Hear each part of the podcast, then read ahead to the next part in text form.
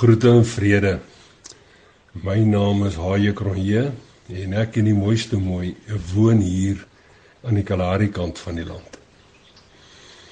Gebeendere van sy liggaam. Die baie bekende Esegiel 37 se eerste 3 versies. Dis nou as jy dit in nuwe lewende vertaling lees, klink soos volg. Die Here het my in besit geneem en die gees van die Here het my weggeneem na 'n vallei vol bene. Hy het my tussen die ou droë bene wat op die vallei vloer lê rondgelei.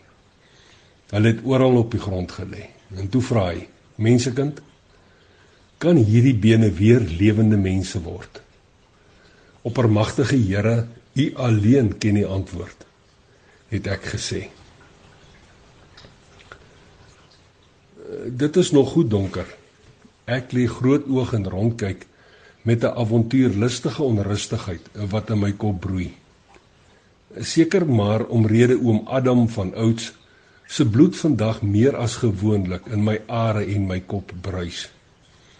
Elke man het mos maar iets wat smeekend uitroep na 'n avontuur, 'n ervaring of 'n belewenis waar die onbedekte en die onbekende ontdek en ingebreek moet word. Kort na ek in die mooiste mooi ons eerste drinkgoed op die kuierplek op die vlak gedrink het, het ek haar gegroet. In die genade waar geklim en die Kalahari se duine wêreld ingery en sommer net gery. 'n Rukkie later maak ek myself gemaklik bo op 'n groot rooi sandduin en staar oor die verlate vlaktes uit. Voorwaar 'n avontuur en 'n belewenis wat woorde baie moeilik beskryf. En dan uit die hoek van my oog, so halfpad teen die oorkantste duin, blink die wit van 'n klompie gebeendere. Wit verskroeide gebeendere, heel moontlik die van 'n skaap, is wat sommer hier tussen niks en nêrens loop vrek het. Eers steur ek my nie daaraan nie, maar kort kort kry ek myself waar ek langer na die hoopie bene staar wat nodig is. So onthou ek weer my voorlaaste week se gelees in Esegiels van die vallei vol dooie bene. Met hierdie verhaal steeds in my kop, loop ek nader om langs die hoopie bene te gaan sit. Nou ou Paulus het per geleentheid vir die Korintiese gemeente beduie dat die liggaam van Christus ledemate het. Net soos vandag se kerk en elke individuele gemeente 'n verskeidenheid van lidmate het. En net daar op die rooi duin langs die hoopie wit verskroeide bene begin ek wonder oor ons. Ek wonder oor jou en en oor my as kerklopers en ook oor ons doen dinge. Opeenstref dit my dat ons as lidmate van die breë kerk en die afsonderlike gemeente se gedrag 'n aanduiding gee van die soort gebeendere wat ons in die liggaam van Christus is gebeendere so skokbeentjies, wensbeentjies, kakebene, kopbene en natuurlik ook die ruggraat. sien skokbeentjies is kleinserige mense wat tog so maklik seer gemaak voel. Hierdie bondel mense moet mos ten alle tye en teen alle koste opgepiep en gepamper lang word. En sou die ondenkbare gebeur en hartseer maak adres in hulle gedagtes, sal hulle sommer wind in hulle voete kry en elders heen skuif. Wensbeentjies is soos die naam aandui, en daardie kerklopers wat oor alles wens. Hulle wens die prediker moet langer, korter, harder of sagter preek en miskien selfs ophou preek. Soms wens hulle dat die diens vroeër of later moet begin en ook afsluit.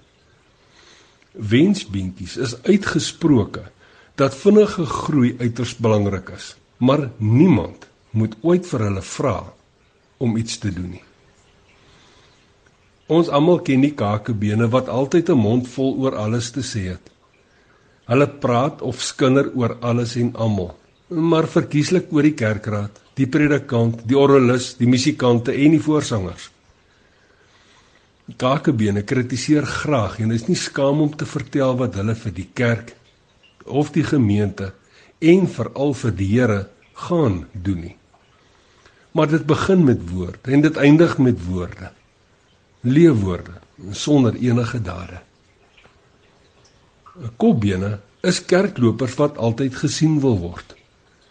Mense wat die hoof of die voorsitter van enige struktuur wil en moet wees. Hulle stel net belang om as hoofouderling, hoofdiaken of die voorsitter van die kerkraad, die finansiële komitee of die sustersvereniging te dien. Kopbene het geen geestelike waarde vir niemand nie, want hulle is daardie ledemate wat status bewus geraak het. Maar vir die enige liggaam is die ruggraat die belangrikste. Mense met inbors, integriteit en inisiatief, asook ware steunpilare vir God en sy gebod. Hulle is staatmakers, bakens en rolmodelle wat sonder aanmoediging ander se behoeftes identifiseer en vol ywer daaraan aandag gee. En die mees belangrikste kenmerk van kerklopers wat ruggraat het, is dat hulle die Skepper van hemelgoed en stofaarde se liefdesevangelie ongeag omstandighede wil uitleef. Heelwat later en die avontuurlustige onrustigheid in my kop is weg Net voor ek opstaan, prewel ek saggies terwyl ek vir ou laas na die hoopie wit geskroeide bene langs my kyk. Ai Here, ek wil so graag deel van die liggaam van Christus se ruggraat wees. Help my tog asseblief daarmee. En baie dankie vir u hulp, u leiding en u inspraak. Nou ja, tot 'n volgende keer. Mooi loop en sandkorrel by seëninge.